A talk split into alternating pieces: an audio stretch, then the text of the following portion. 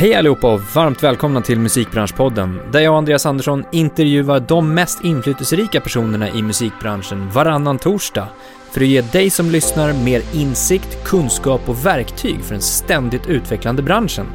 Idag pratar jag med grymma Karin Gunnarsson. Karin är biträdande tävlingsproducent för Melodifestivalen och även Head of Delegations för Sverige i Eurovision Song Contest. Hon kommer från en lång bakgrund inom eh, bland annat radio och mer specifikt som musikredaktör på P3 under många år. Vi kommer prata om allt från Karins inställning gällande nyfikenhet till att utvecklas, men även ämnen som stress och stresshantering. Och självklart en massa nyttiga tips. Varmt välkomna!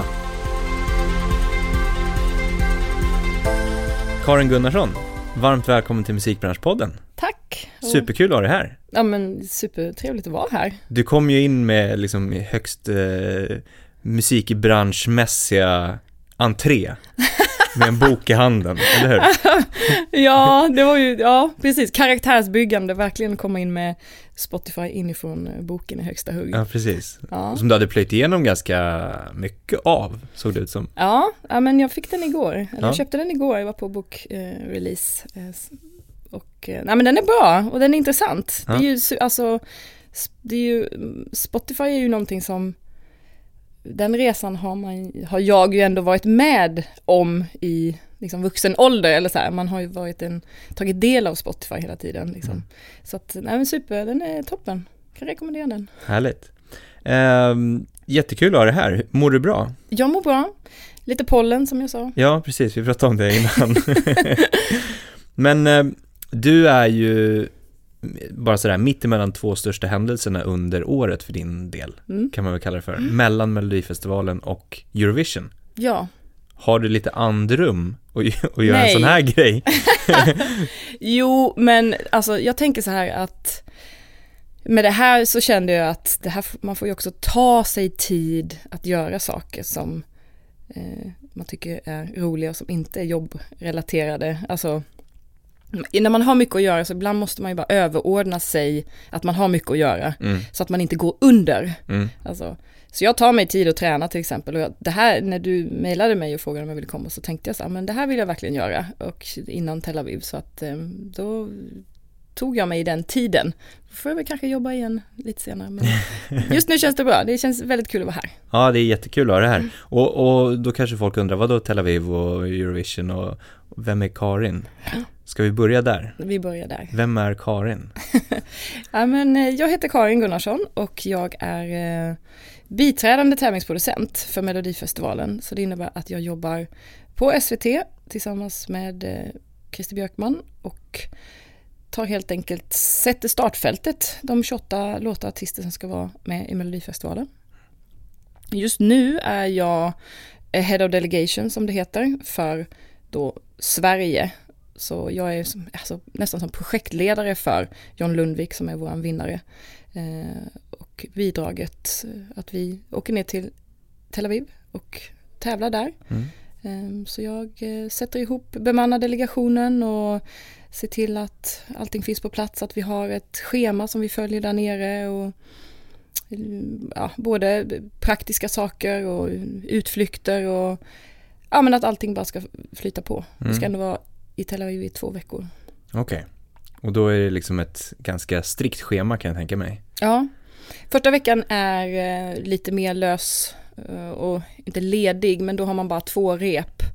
Eh, då gör man lite pressaktiviteter och promotion, men det finns även, just den här gången när vi åker ner så är det ju, det är ju helgdagar där nere, det är så Memorial Day, så allting, Ah. allting är liksom stängt och ledigt i en och en halv dag, så vi har fått lite extra ledig tid. Och sen i andra veckan är det ju mer repetitioner och eh, semifinal Mm. och förhoppningsvis final. Ja, annars så, så det, mitt, det har ju varit mitt första, eh, första år på SVT. Jag har gjort tre säsonger med Melodifestivalen. Men då eh, har jag ju varit tjänstledig från mitt eh, gamla jobb som musikredaktör på P3. Mm. Så att då har jag varit tjänstledig och gjort startfältet tillsammans med Christer. Eh, Robin Bengtsson året 2017 var mitt första. Okej. Ehm, Så då jobbade jag egentligen ett halvår på Mm. SVT och sen var jag tillbaka på SR. Och sen så tog jag tjänstledigt och så gjorde jag Benjamin-året. Benjamin Ingrosso som vann förra året då. Eh, men då började det bli lite väl mycket spring mellan husen kanske och jag, jag var liksom lite så tvungen att, att välja. Ska, mm. jag, ska jag vara kvar på SR eller ska jag köra Melodifestivalen fullt ut? Mm. Så då valde jag att göra Melodifestivalen.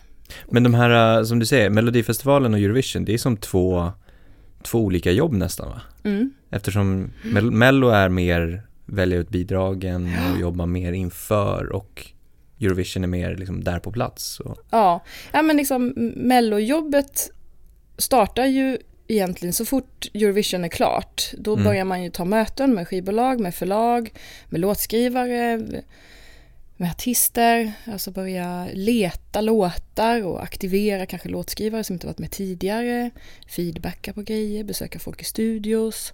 Um, sen håller, det är ju liksom det jag gör. Mm. Maj, juni, sen ska man vara lite ledig.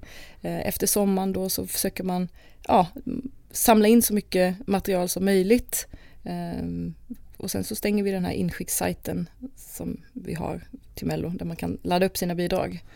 Uh, och sen så sållar jag i det. Och sen så har man en juryvecka. Och efter juryveckan är klar så har man halva startfältet klart.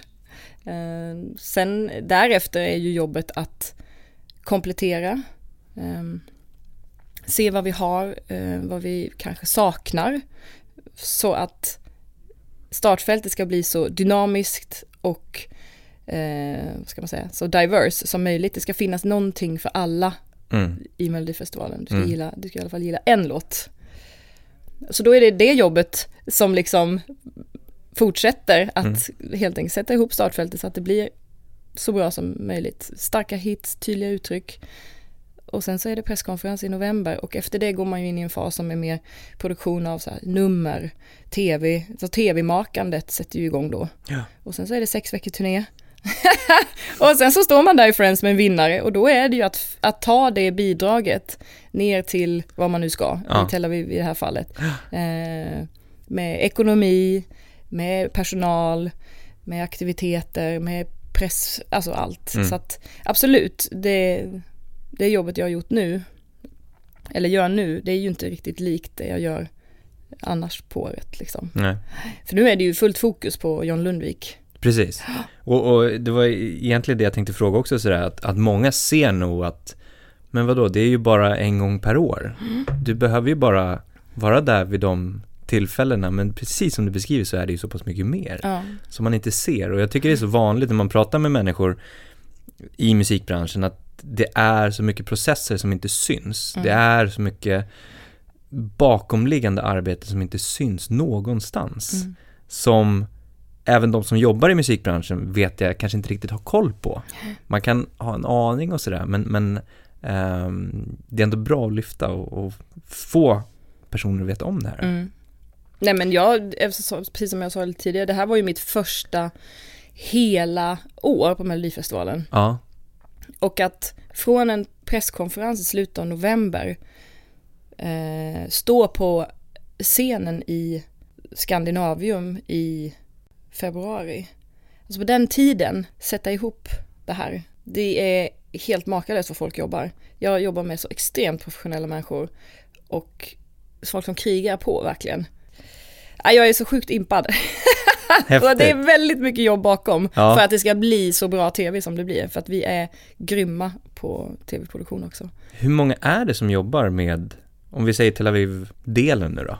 Ja, vi är, vi är två som gör det mesta administrativa mm. jobbet nu. Men sen så har vi ju en, eh, alltså vi har ju en stylist som ska med, en koreograf som ska med, pressperson som ska med, smink ska med. Vi har en bildproducent som åker ner några dagar, en ljusproducent som åker ner några dagar. För grejen är ju att vi har ju ingen kontroll, alltså vi i Sverige har vi ju kontroll eftersom det är vår egen produktion. Mm. Nu, är ju, nu vill vi ju att produktionen nere i Tel Aviv ska förverkliga våran vision. Det är ju andra kameramän där, bildproducenter och mm. ljusdesigners. Det gäller ju, jobbet är ju att få dem att liksom göra, förverkliga våran vision. Mm. Kan det vara knepigt ibland att Ja men absolut. Ja det kan det. det, är ju, det nu har jag ju bara gjort ett Eurovision tidigare med Benjamin Ingrosso. Men som sagt det är ju, vi har ju vi är ju unika med att vi har Melodifestivalen. Det är ju som ett sex veckor långt bootcamp. Så att vi, och du vet, då kan man ju verkligen varenda vinkel och vi har ju en speciell look på programmet. Så helt plötsligt ska man liksom inkorporera det i en, en helt annan jätteproduktion Mm. och där man är ett bidrag av 41. Ja. Så det är klart att det handlar ju om tid och om kunskap och om eh, olika kulturer och eh, ja, men teknik, allt möjligt liksom. Så det är klart att det Ibland blir det ju bättre än man har tänkt och ibland kanske det inte blir riktigt som man har tänkt. Mm. Men det är helt andra förutsättningar och då får man jobba ut efter dem. Och enligt dig då, vad, är vad tycker du är, vad gör Mello till Mello? Nej men alltså Mello är ju så otroligt stort och har ju så otroligt många värden. Alltså tv-mässigt, att man, att man tittar tillsammans, att man upptäcker nya artister, att eh, man upptäcker gamla artister. Att, alltså det är ju en sån stor händelse, det är ju en tradition. Mm. Alltså det är ju, folk firar sin födelsedag och det blir julafton och man tittar på Mello. Mm. Alltså det är ju så stort. Och även om man inte tittar eh, alla deltävlingar så har ju nästan alla sett någonting eller hört någonting eller läst någonting. Eh, och det är ju så himla roligt att det är ju en sån, alltså det är en sån samlingspunkt. Eh, Och det, det är ju helt fantastiskt. Liksom. Vad, som, och vad, vad som helst kan egentligen hända. Mm. Och händer det lite ibland också? Ja, absolut. Nej, men och det, är ju, det handlar ju om artist och om låt och om framförande. Det är ju tre saker som kan, alltså tre element Mm. som när allting stämmer så blir det ju helt fantastiskt och då kan man gå och vinna. Mm. Eller det kan gå väldigt bra ändå, även, om, även att man inte vinner. Och det känns väldigt roligt att det är en sån, eh, ett sånt eh, forum där nya artister kan slå igenom, eh, man kan reinventa sin image, eller man kan komma tillbaka. Mm. Eh, och det är, eh, det, är en det är fantastiskt med Mello.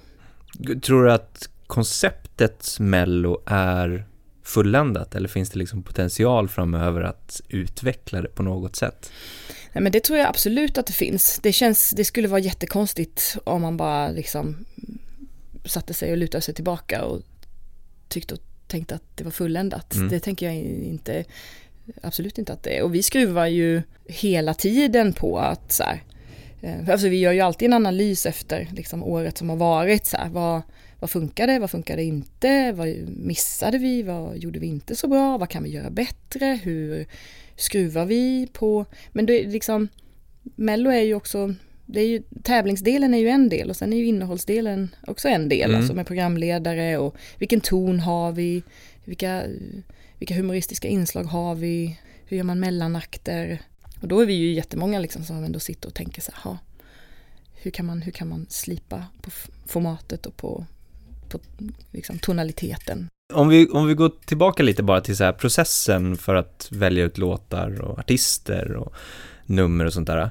Om du får prata till de personerna, mm, liksom låtskrivarna, artisterna på andra sidan i det här fallet då, då. För det är väl så att ibland så är det liksom både artist och låtskrivare samma person, Mm. eh, eller ett gäng låtskrivare men artisten är med där. Och ibland är det väl bara låtskrivare och sen så paras det ihop med en, en eh, artist som ska framföra verket. Men om man, om man tänker bara på så här, att få med sin musik som låtskrivare i Mello, Mm. finns det något tips som du har, kan liksom ge? Du, har, du har tre minuter på dig att göra ett första intryck, liksom. det är en gång. Eh, så att, att vara tydlig är ju verkligen en nyckel alltså. Och att liksom komprimera det bästa du har i tre Mm. minuter. Alltså, nej men, för är det en ballad, då ska det vara tydligt vad det är för, alltså det ska vara tydligt vad det är för typ av låt, väldigt så här, direkt. Det är det som är så härligt med Mello också så här, för jag brukar säga en bra låt är en bra låt är en bra låt. Och av 28 bidrag så kan ju heller inte alla låta likadant. Alltså Nej. det är ju där, det strävar vi ju efter hela tiden att, att, att eh, startfältet ska ändå vara så pass diverse, liksom, att det ska vara olika uttryck. Eh, Så där kan ju den, där kan ju också en knasig låt som motsäger hela melloformatet helt plötsligt vara den som sticker ut. Mm.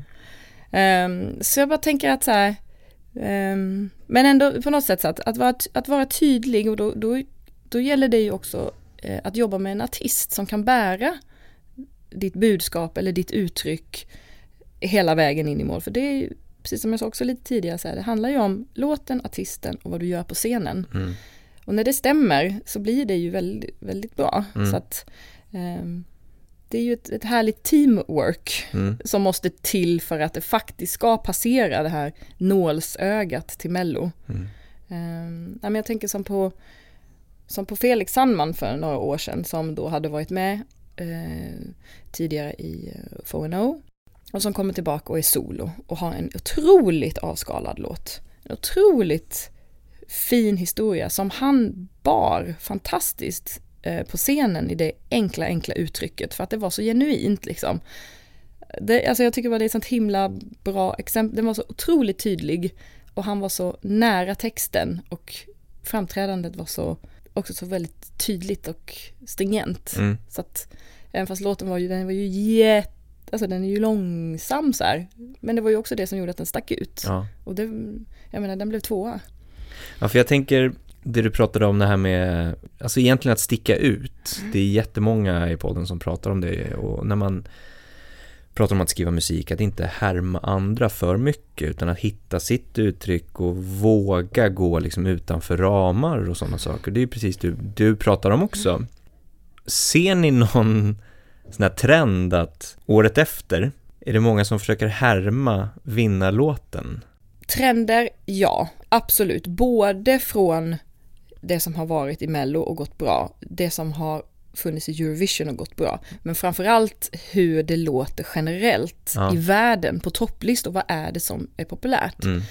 Eh, det är, alltså, jag vet inte hur många Despacito-kopior vi hade, eller så här, hur många Euphoria eh, liknande låtar. Mm. Så, så absolut så finns det det. Ehm, men det jag skulle säga också att eh, innan jag började jobba med Mello på det här sättet, alltså som, som biträdande tävlingsproducent, så satt jag även med i tre år i den här urvalsjuryn som jag nämnde lite tidigare. Att så här, eh, vi eh, sätter ihop ett antal människor med olika bakgrund i olika åldrar från olika delar av Sverige som helt enkelt blir som ett, ja, som, som får hjälpa till att pinpointa de starkaste hitsen. 14 låtar kommer från juryn och där satt jag i tre år eh, innan jag började jobba på, på den andra sidan så att säga. Just det. Så då har jag ju eh, alltså precis hört alla de här kopiorna. Mm, exakt.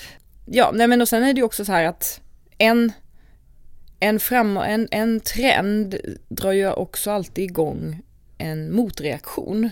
Mm, Och att ett år som, eh, ja men som eh, 2018 då när Benjamin vann och Felix blev tvåa, alltså när det var så två olika uttryck som, som det gick så pass bra för så, så tror jag folk ser att du kan liksom lyckas med olika sound mm. och att det ändå är tydligheten som är det starkaste kortet.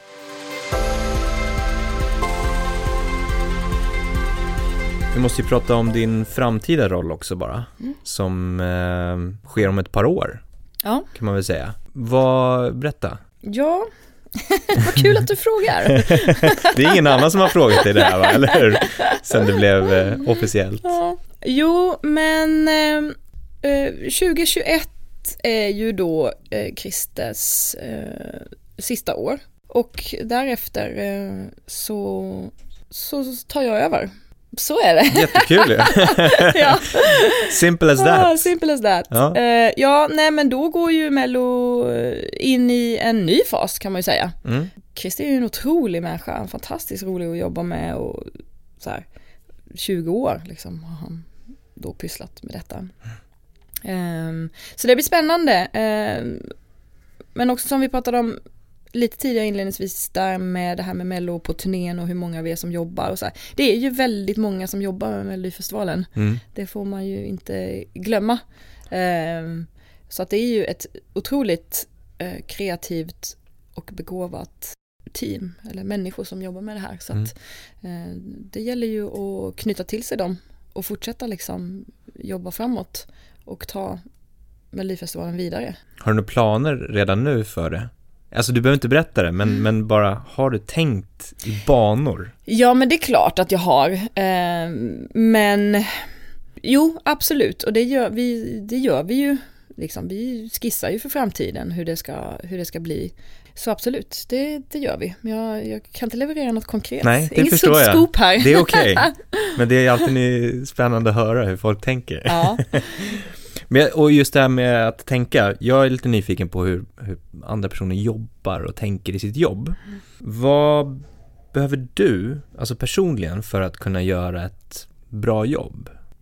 Alltså jag tycker att det är så himla svårt. ja men när man jobbar, alltså musik är liksom mitt största intresse. Det har liksom inte funnits någonting annat i mitt huvud att jag skulle jobba med från jag var jag vet inte. Sen jag började lyssna på tracks och klippa ut USA-listan och trackslistan ur liksom tidningar och klistra in i... Alltså så här, jag bara... Det var, det var liksom det här, det är det jag ska jobba med. Mm. Och nu när man har jobbat med det, med musik i så många år och nu sitter jag på SVT och jobbar med Mello. Vad är det som gör att jag, ska göra, att jag gör ett bra jobb? Alltså, jag behöver bli, jag behöver få vara ute på lokal, jag behöver titta på band, jag behöver lyssna på massa olika sorters musik. Jag behöver träffa människor med olika erfarenhet, artister, låtskrivare, alltså som inspirerar mig. Eh, rent på kontoret sådär, det är klart att då behöver man ju struktur. Jag är nog inte världens bästa admin-människa, alltså det är rätt rörigt. ja men då vill man ju ha sköna kollegor som man kan bolla med, kreativa samtal där man kan eh, liksom se möjligheter, så här, är, det, diskut, alltså, diskut, är det här är, är den här bra låt, alltså om vi ska prata om Mello då, är det här, hur kommer den här funka i den här kontexten? Vad, vilken publik har den här människan? Eh, hur kan vi finslipa den här låten så att den bli den bästa den kan vara. Eh, jag behöver nog liksom vara ganska mycket i rörelse känner jag för att kunna göra ett Mm. bra jobb. Mm. jag tycker det är också då man kommer på bra idéer liksom.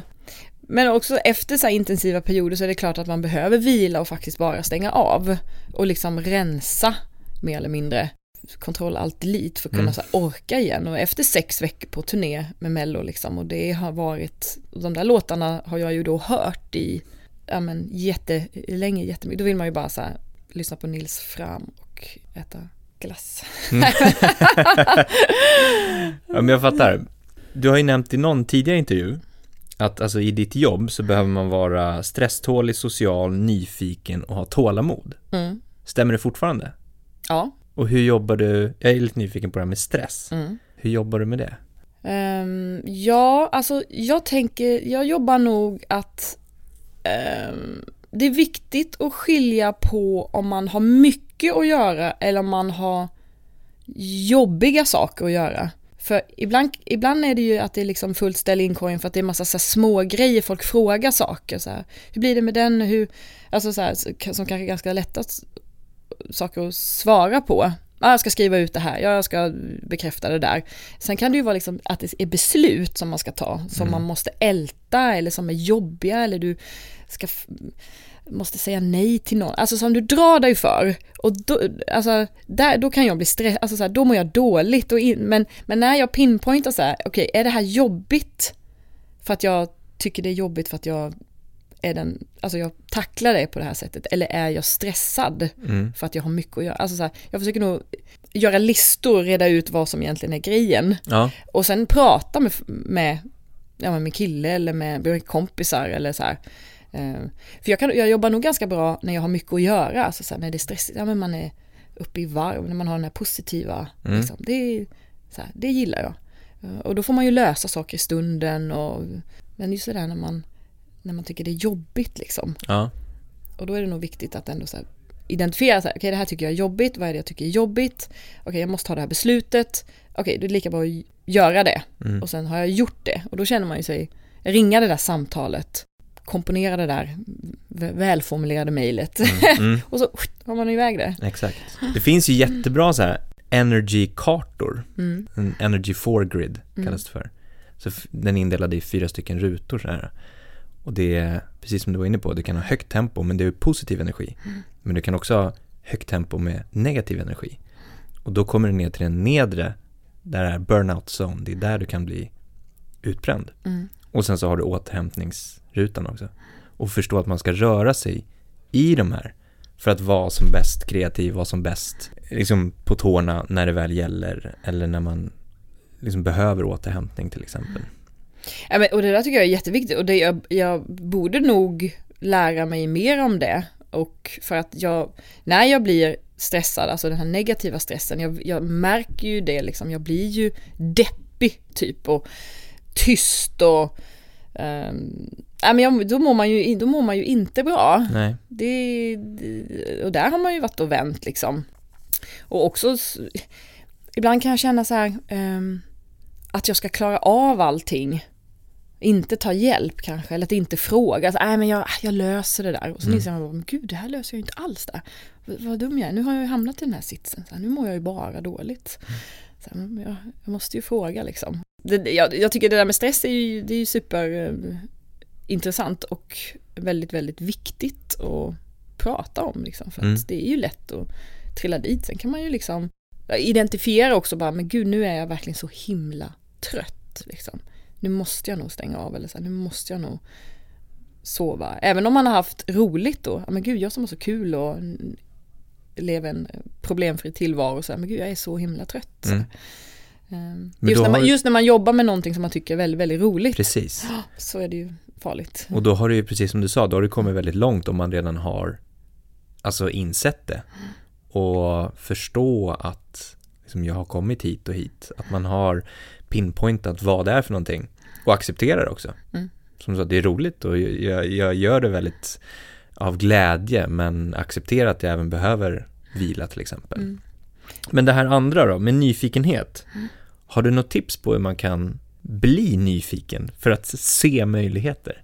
Jag tänker att saker och ting kan nog trigga en där man minst anade också. Alltså så här, ja, men att, att resa, att gå på museum, att se, uppleva saker som du kanske inte trodde du skulle gilla liksom. Alltså utmana alltså gå på någon, jag har aldrig varit, jag har aldrig varit, jag har aldrig sett en ballett liksom. Jag bara, jag borde gå och se det. Mm. För jag borde, det finns säkert någonting där som jag gillar eller kanske inte. Ja men så här, att hela tiden göra saker liksom kanske lite utanför boxen. Både mm.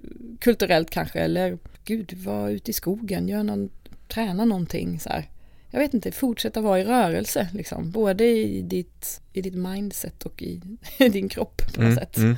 Jag tänker att just det här med nyfikenhet, många tänk, kan säkert tänka att jag behöver vara nyfiken inom de områdena som jag vet om mm. eller som jag tror att jag ska få ut någonting av. Att man analyserar för långt. Mm. Och precis som du var inne på, att så men, var nyfiken på saker och ting som du inte har någon aning om. Det är där du kan hitta nya infallsvinklar och växa och allt möjligt. Ja, men ja, precis, men inte vara så snabb och avfärda grejer också. Mm. Liksom. Uh, för då, då blir man ju överraskad och blir man överraskad då blir man ju nog, tror jag, lite nyfiken.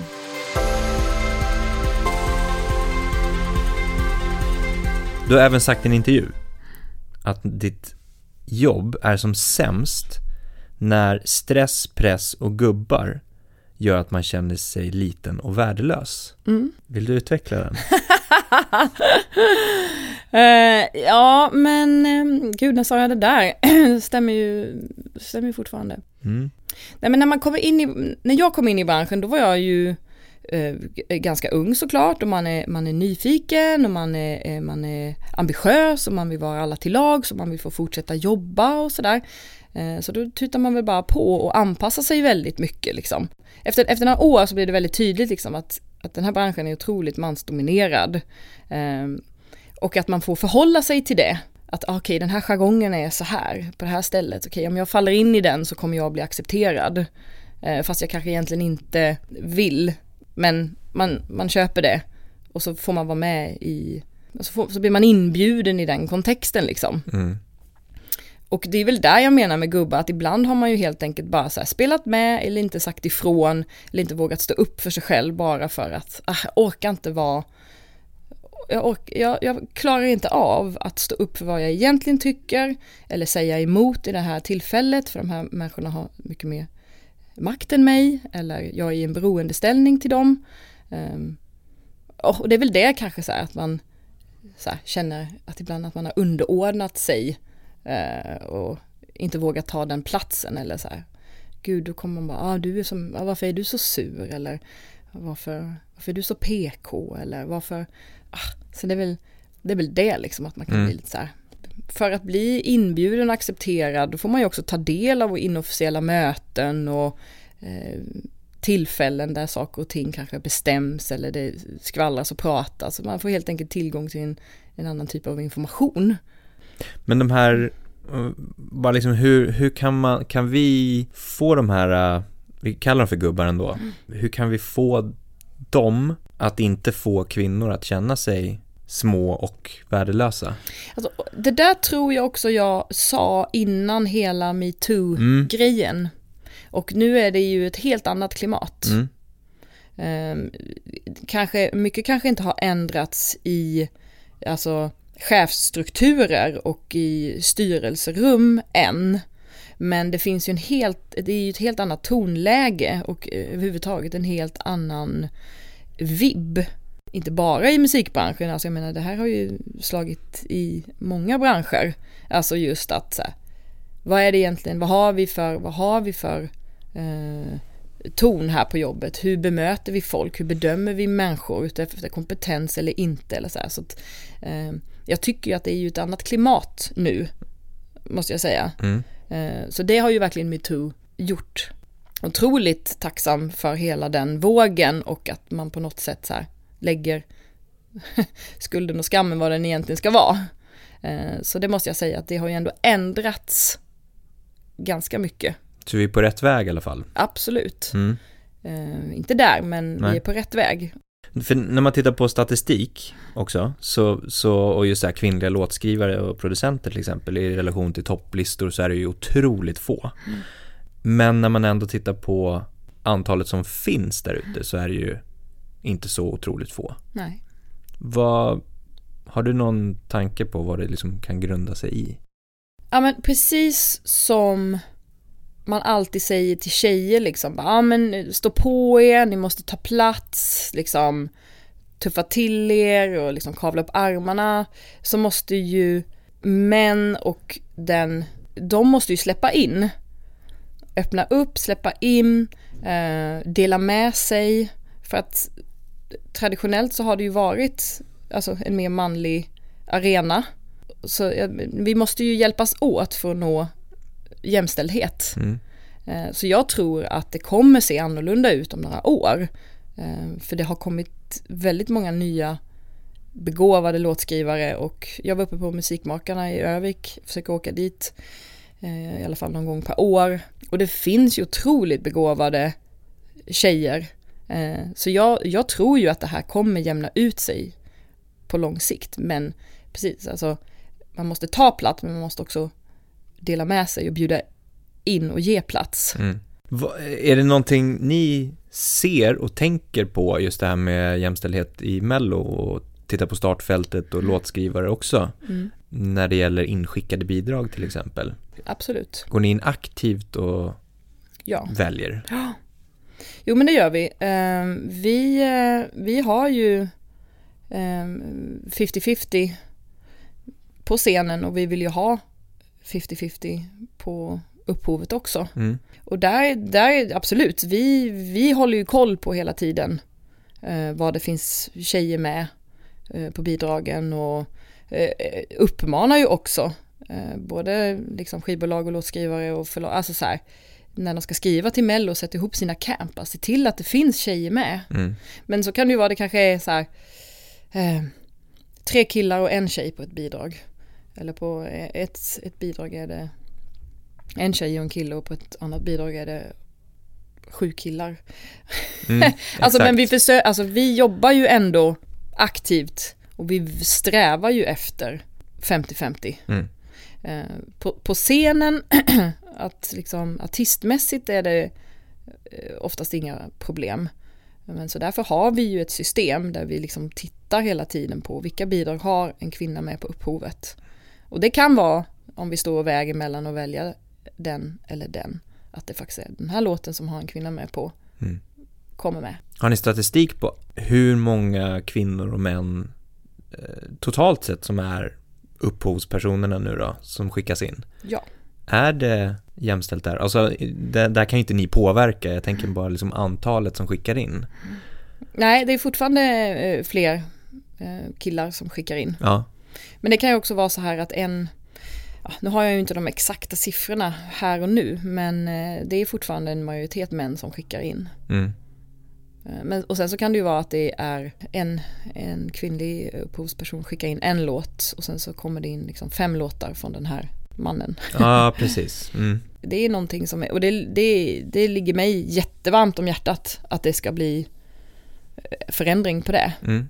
Eh, så det, det jobbar jag i alla fall väldigt aktivt med och jag är otroligt eh, stolt och glad över att vi hade ett bidrag i år där det var liksom bara tjejer eh, på Malou, Prytz till exempel. Det var ju bara kvinnor på upphovet och på scenen och bakom och så. så att, och jag hoppas att den typen av framgång också motiverar eh, fler att så här, det här är ett forum där man lyssnar och man ser och man tänker Mm. Precis på tjejer.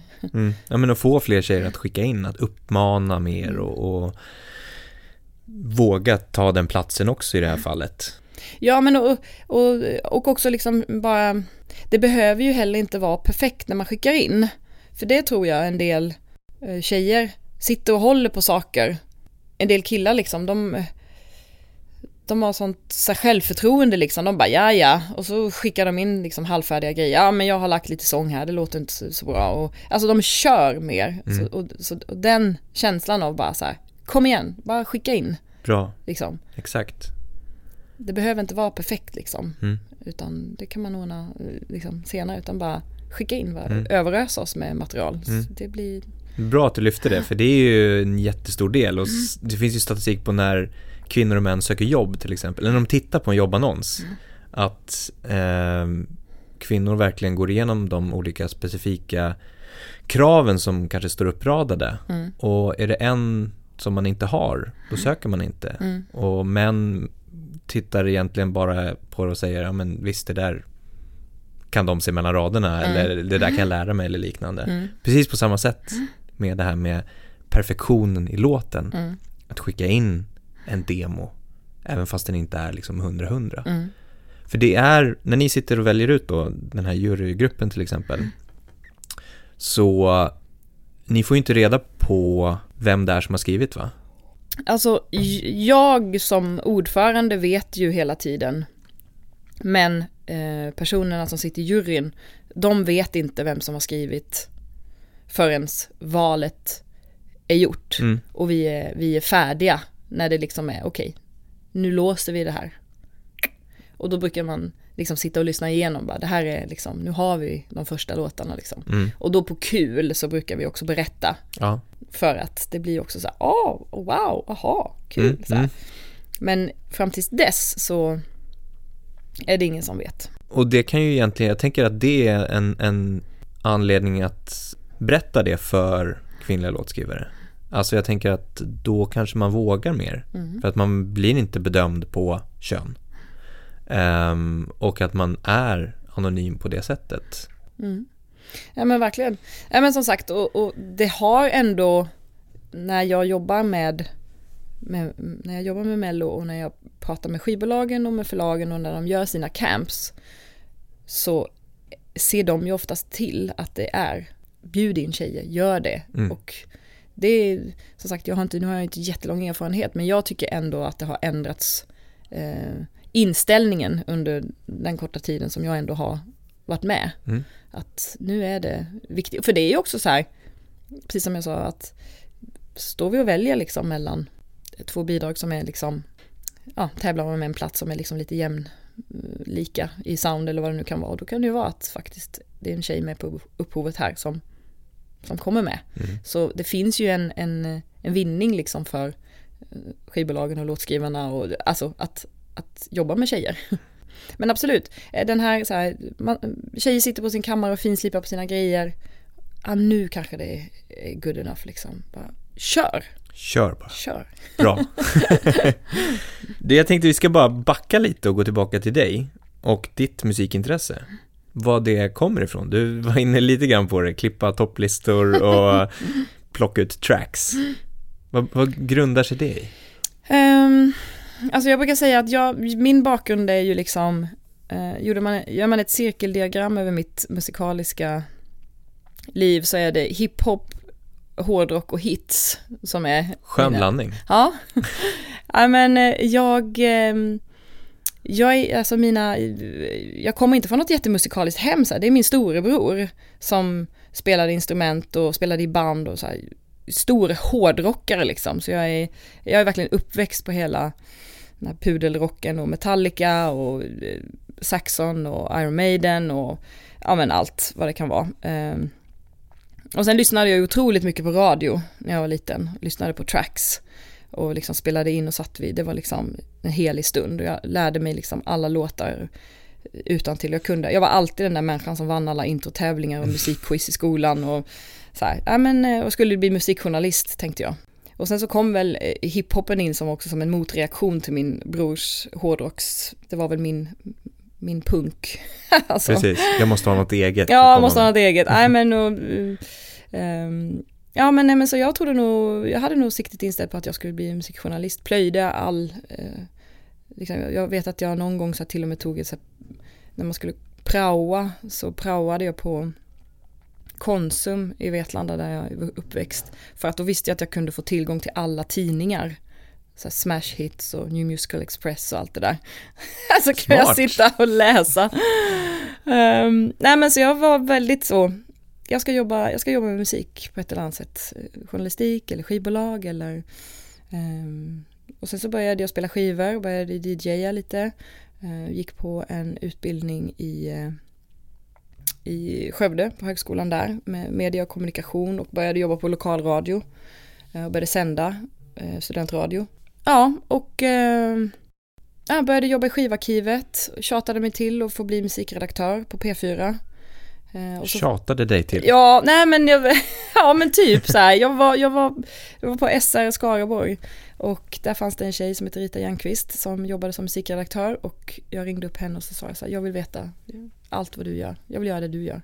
Och för då hade jag också så här, eftersom jag lyssnade så mycket på radio så hade jag ju hört så här, eh, Petri Klubb lyssnade jag jättemycket på, Um, och hade liksom hört så här Järmen Stenhags namn nämnas tusen gånger och tänkte så här, den killen, hans jobb ska jag ha. Mm. Så är det, jag ska jobba med honom. Eh, och sen så bara tutade jag på liksom att efter jag hade kommit innanför väggarna där på, på P4 i, i Skövde och fått min SR-adress så vet jag att jag mejlade alla här i Stockholm liksom. Hej, får jag komma på möte? Och så blev jag, fick jag komma på ett spellistemöte på P3 och började liksom hålla kontakten med dem och fick till slut ett sommarvik. Och så fick jag in foten där och sen har jag bara liksom kört på. Häftigt. Ja. Då hade du ju en vision, ett mål liksom någonstans uppmålat. Ja, ja, och men, tog det dit. Ja.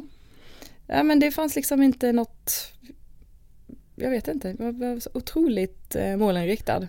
Ja, men så helt plötsligt satt jag där och åt lunchbricka med Järmund. Det är så häftigt att höra, verkligen. Och då var du på P3 ett tag mm. eh, som spellisteredaktör.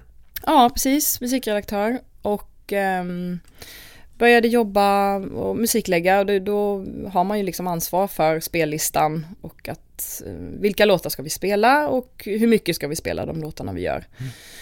Men sen började jag också jobba med alla våra, eller P3 musikevenemang med P3 Guld och eh, med Musikhjälpen och med P3 Älskar. Eh, att boka artister och jag hade en känsla som koordinator att man försöker liksom få lite koll på vilka gäster som bokas för att hålla ihop kanalen musikaliskt med gästbokningar. Alltså vad gör morgonpasset, vilka pratar de med, vad gör PP3, vilka bokar de? Um, för att som musikredaktör har man ju en, ett helikopterperspektiv över hela veckan. Mm. Över alla programmen alltså, som går under den spellistade musiken. Vi har ju program som, som musiklägger eh, sina, sina egna alltså, eh, DJ-shower och sånt. Men just under eh, vissa klockslag då på dagen. Liksom, att vad, vad, vad, så att det hänger ihop. Alltså, är det här en låt som vi spelar? Är det här en PT-artist? PP3 pratar med dem. Vad gör Musikguiden? Vad gör vi för live-grejer? Så att ett otroligt roligt jobb. Mm. Jättekul att jobba med Peter Guld och, och, och med Musikhjälpen. Så där var jag ju i, ja men alltså från 2000, något, ett kanske, två. Men det tog ju många år innan jag blev fast, jag blev fast 2009. Sådär. Så jag har ju blivit utlasad och gjort andra saker och jag har varit tjänstledig och jag har jobbat en sväng på Universal och jag har pluggat på IOM Business School och jag har liksom, jag vet inte, jag har hela tiden ändå försökt liksom lära mig mer saker vart i rörelse som du var inne på förut. Ja, men lite faktiskt. Ja. Um, så därför var det också så roligt när Christer Björkman uh, ringde upp mig och frågade om jag ville jobba med honom. Så här, ja men absolut, liksom, jättekul.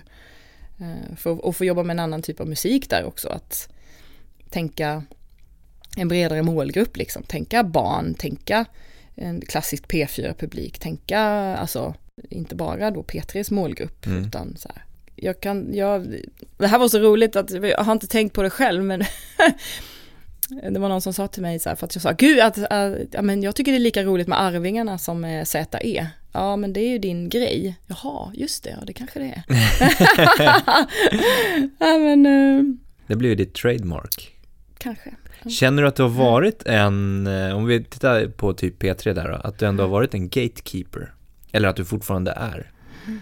Alltså det där är så spännande när folk säger så. Ja, det är, men det är ingenting som jag har liksom tänkt så mycket på. Alltså, och, eller det är klart att jag tänker på det, men jag tycker också det är, alltså det finns så många sätt att nå en publik idag. Alltså eh, utan stora skivbolag eller utan radio eller ut, alltså så här, Alltså det finns så många kanaler där du kan hitta din publik och bli jättestor. Så jag tycker det alltid är så här, man måste vara ödmjuk inför liksom, att branschen hela tiden är i rörelse och att artister hittar sin publik och att vara lyhörd liksom inför. Sen finns det ju alltid så här forum där vissa saker funkar bättre än andra. Nej men som, som, eh, som ZE till exempel, bara för att nämna en som har fantastiskt stor Spotify-framgång och en enorm livepublik och liksom jättestor men kanske inte spelades jättemycket på, på nu, nu gör han ju det men liksom i början sådär, det var inte där han breakade på något sätt liksom så det finns ju alltid liksom forum för olika typer av artister och musik. Mm. Jag har inte liksom tänkt så här att man sitter på en stor makt eller att man är en gatekeeper utan jag bara försöker vara, göra mitt jobb så bra som möjligt på något sätt. Mm. Men vad tror du, du var inne lite på just det här med det finns olika exponeringsytor kan man kalla det för också för artister och för låtskrivare. Alltså hur kan man tänka som låtskrivare? Eller hur, vilka banor bör man tänka på när man väljer de här exponeringsytorna? Alltså inte vilka man ska finnas på utan mer hur man kanske utvärderar. Ska man titta på sin publik? Ska man titta på hur andra låtskrivare gör? Nya exponeringsytor, alltså plattformar, var i framkant, det här med nyfikenhet. Ja, nej men det, det är väl upp till var och en, alltså vad man har för syfte med det man pysslar med. Alltså, vad är ditt, varför gör just du musik? Alltså jag menar en del kan ju göra, jag gör, Ehm, alla behöver ju inte skriva hits liksom. Och det är ju helt fine. Alltså alla, jag tycker att man ska, man ska skriva sin musik utefter liksom sin egen vision och sen kommer publiken alltid hitta dig. Alltså, mm. Eh, jag, jag vill skriva till Mello, jag vill skriva synkmusik, jag vill tjäna pengar, jag skriver det här för jag mår bra, jag vill ha en stor publik, jag vill ha en liten publik. Alltså, det där är, det där är jätte, alltså jag tänker att så länge personen i fråga som skriver musik vet varför den skriver musik så kommer publiken alltid hitta den.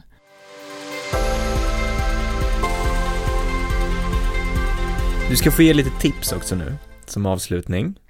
Och om vi börjar med från P3-eran då, mm. om vi sammanfattar med det. Vad skulle du ge för tips till låtskrivare som vill få ut sin musik på radio och specifikt då P3?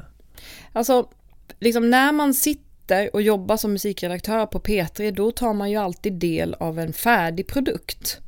Alltså, du får ju en färdig, känns ju hemskt att säga produkt, men jag menar du får ju en färdig låt skickad till dig med en artist. Liksom. Här är det, här är det här paketet. Så här. Och då tar man ju bara ställning till det. Funkar det i våran mix? Um, funkar det på våran målgrupp? Så då tänker jag att där måste man ju bara säga, vad, vad är det för vad, hur, låter, hur låter P3-kanalen? Vad, vad är det för sound som gäller? Vad är det för typer av artister som spelas där? Eh, det tänker jag att man måste ju ändå hålla koll på. Alltså, eh, P3 och P4 kommer alltid skilja sig åt och P4 kommer alltid spela en typ av artister och en typ av sound till en målgrupp som inte P3 kommer göra. Sen finns det alltid crossover-låtar som är de stora hitsen. Ehm, så att det, han, det, handlar ju om vem du skriver till och hur det, hur det låter. Ehm, alltså vad är det för story bakom den här artisten. Mm. Det, det är ju egentligen, så att jag, det blir väldigt abstrakt här nu men jag hoppas att jag ändå kan förklara. Alltså, det handlar ju om vad den låten har för publik och för sound och om det passar i, i P3-kontexten. Mm. Om man mer är artist då och vill jätte, jättegärna uppträda på mello, alltså det är liksom den högsta drömmen. Hur bör man gå tillväga då? Eller vad har du för tips till dem? Nej men då tycker jag ju alltså att man ska ta kontakt med skivbolagen eller någon, alltså, alltså form, formulera den ambitionen till en person i branschen som jobbar gentemot mig. Alltså, sen är det alltid klart att man, man tar emot mer än gärna liksom folk som är taggade och hör av sig till mig och säger att de vill vara med i Mello. Mm. Men det blir ju ändå ett skivbolag eller den personen behöver ju ändå en uppbackning bakom sig för att det ska kunna gå hela vägen. Eh, för jag kan ju bara hjälpa folk, alltså jag kan ju feedbacka på låtar och jag kan komma med, med tips kanske, ja men om du, om du gör lite så här eller om ni, ja men komma med feedback angående sound eller så här, men alltså det har jag ju inte, det är inte riktigt mitt jobb utan det är ju en annan del av den här branschen som får hjälpa till och göra en, en artist Mm. till en artist. Mm. Så det är väl det liksom att, att höra av sig till A&R så till jag vill verkligen vara med i Mello, hjälp mig. Mm. Jag kan ju alltid tipsa låtskrivare om att så här, den här personen är supertaggad och verkar vara eh, ambitiös och begåvad. Men det, någonstans så tar ju även alltså så här, min, vad ska man säga, makt. alltså jag kan bara göra så pass mycket liksom. Mm. Du ska få en fråga från föregående gäst, Mhm. Andreas Karlsson, som frågar en ganska stor fråga. Vad tror du är framtiden för branschen? Hur ser den ut om tio år? Vilka förändringar har skett och vilka spelare är störst? Åh herregud. Kan du dra den på eh, en Ja men, minut? ja men precis, åh det, jaha, det var den, den lilla frågan. Ja, den som vet det. Eh, om tio år, då pratar vi alltså om 29. Alltså, folk kommer alltid vilja lyssna på musik. Folk kommer alltid vilja bli underhållna. Folk kommer alltid vilja ha distraktionsmoment i form av musik som kan få en att drömma eller slappna av eller dansa eller vad som, alltså det kommer ju, alltså musik kommer ju finnas och mello kommer fortsätta. Men de stora spelarna och i vilken form och alltså det är ju jätte, jättekomplicerad fråga.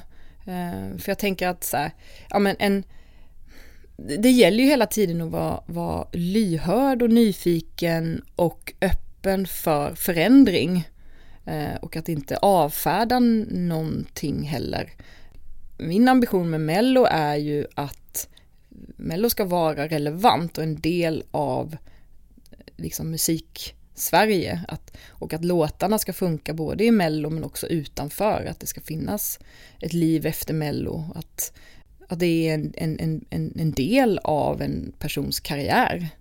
Min ambition är ju att vi ska vara eh, hittiga och relevanta och modiga och våga liksom breaka nya och förvalta eh, en tradition och ett arv men i en modern kontext. Och till slut då, vilken fråga vill du ställa till nästa gäst? Nej men alltså jag är ju så här, för folk som sitter här och pratar är ju folk som har ett stort musikengagemang. Jag vill nog, jag, jag tänker nog, eh, nej men någonting lättsammare, liksom. vi kör en rundis här, vilken, eh, vilket är ditt största konsertminne? Mm. Vem såg du, var, när, hur? Karin, tack så jättemycket för ett trevligt samtal. Ja, tack själv. Ha jättekul i Tel Aviv och lycka till. Tack, ja gud, tack. Det ska bli otroligt eh, spännande. Jag, alltså det ska bli så otroligt roligt att åka och jag är väldigt, väldigt stolt över John och tycker att den här låten är fantastisk och jag tror att vi har en, en god chans. Kan det till och med bli i Stockholm nästa år? Alltså, det där är så, alltså du vet jag pendlar liksom. jag tror att det kan det, för det finns liksom ingen, det är ett ganska, förra året var, tycker jag, ett starkare Eurovision-år. Eh, också, det fanns, i år är det ganska molligt, det är ganska balladigt, det är ganska, mm, eh, John och hans körtjejer, de har en fantastisk energi. Ett väldigt öppet, härligt, glädjefyllt eh, nummer och låten är väldigt bred och varm. Och de har en otroligt härlig, liveig energi som jag hoppas att vi kan förvalta där nere och att den når den stora publiken. Snyggt, vi håller tummarna. Tack! Stort, stort tack för att du har lyssnat idag och har du tagit igenom hela podden så betyder det att du är viktig för oss och vi vill jättegärna ha din åsikt. Vad tycker du? Vilka ämnen är du mest intresserad av? Vilka utmaningar står du inför? Vilken person skulle du vilja höra i podden och kan vi hjälpa till på något sätt? Så vill vi jätte, jättegärna att du hör av dig till oss eller direkt till mig på andreas@dmgeducation.se. Ha nu en fortsatt härlig dag!